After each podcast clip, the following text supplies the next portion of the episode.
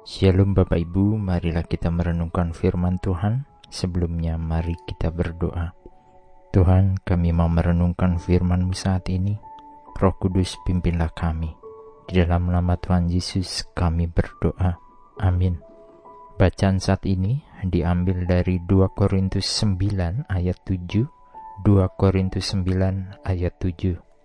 Hendaklah masing-masing memberikan menurut kerelaan hatinya Jangan dengan sedih hati atau karena paksaan, sebab Allah mengasihi orang yang memberi dengan sukacita.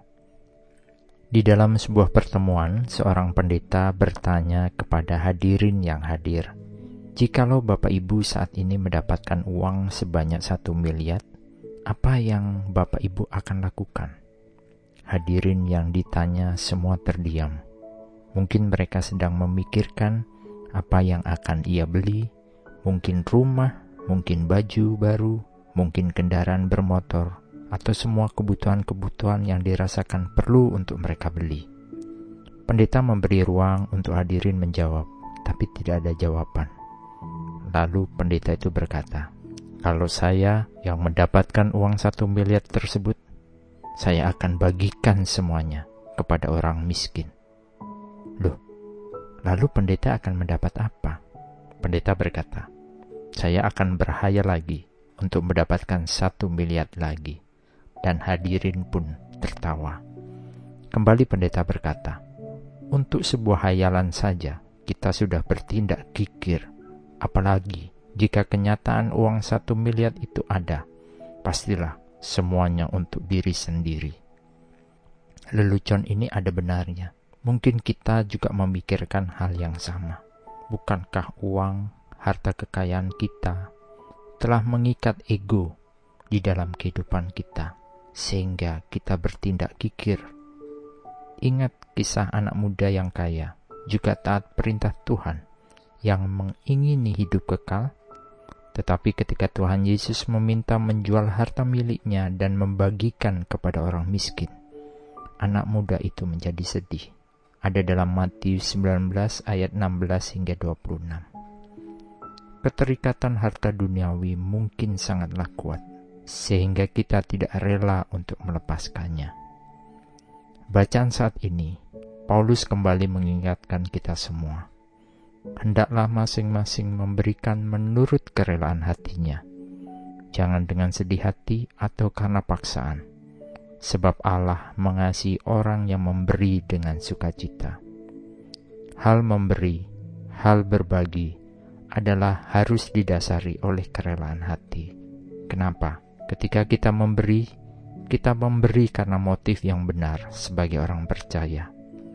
Kita memberi sesuai dengan kemampuan kita, tidak dengan paksaan dan dengan sedih hati. Ketika kita memberi, kita sedang mempertanggungjawabkan berkat yang sudah Tuhan beri dalam hidup kita untuk juga kita bagikan bagi sesama kita. Bukankah kita sering berkata dan berdoa, jadikan kami sebagai saluran berkat bagi orang-orang di sekeliling kami yang membutuhkan.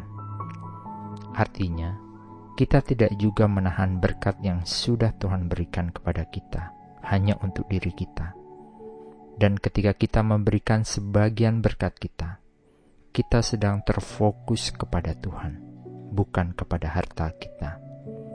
Matius 6 ayat 21 berkata, Karena di mana hartamu berada, di situ juga hatimu berada. Tuhan mau hidup kita terfokus kepada Tuhan, bukan kepada harta kita. Persembahan yang terutama dalam hidup kita selain berkat-berkat yang Tuhan sudah berikan dalam hidup kita, adalah seperti dalam Roma 12 ayat 1. Karena itu saudara-saudara, demi kemurahan Allah, aku menasihatkan kamu, supaya kamu mempersembahkan tubuhmu sebagai persembahan yang hidup, yang kudus, yang berkenan kepada Allah. Itu adalah ibadahmu yang sejati. Layanilah Tuhan senantiasa dengan menjadi hamba yang taat kepada Sang Raja yang telah membebaskan kita dari dosa. Itulah hal-hal yang menyenangkan hati Tuhan, yang dilakukan dalam kasih, pengabdian, pujian, dan kekudusan. Amin. Mari kita berdoa.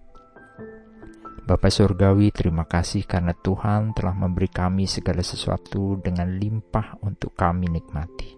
Dan segala sesuatu yang kami miliki berasal daripadamu. Semoga kami juga dimampukan untuk boleh memberi harta dan hidup kami sebagai pemberian yang murni untuk puji dan hormat kepada Tuhan. Dalam nama Tuhan Yesus, kami berdoa.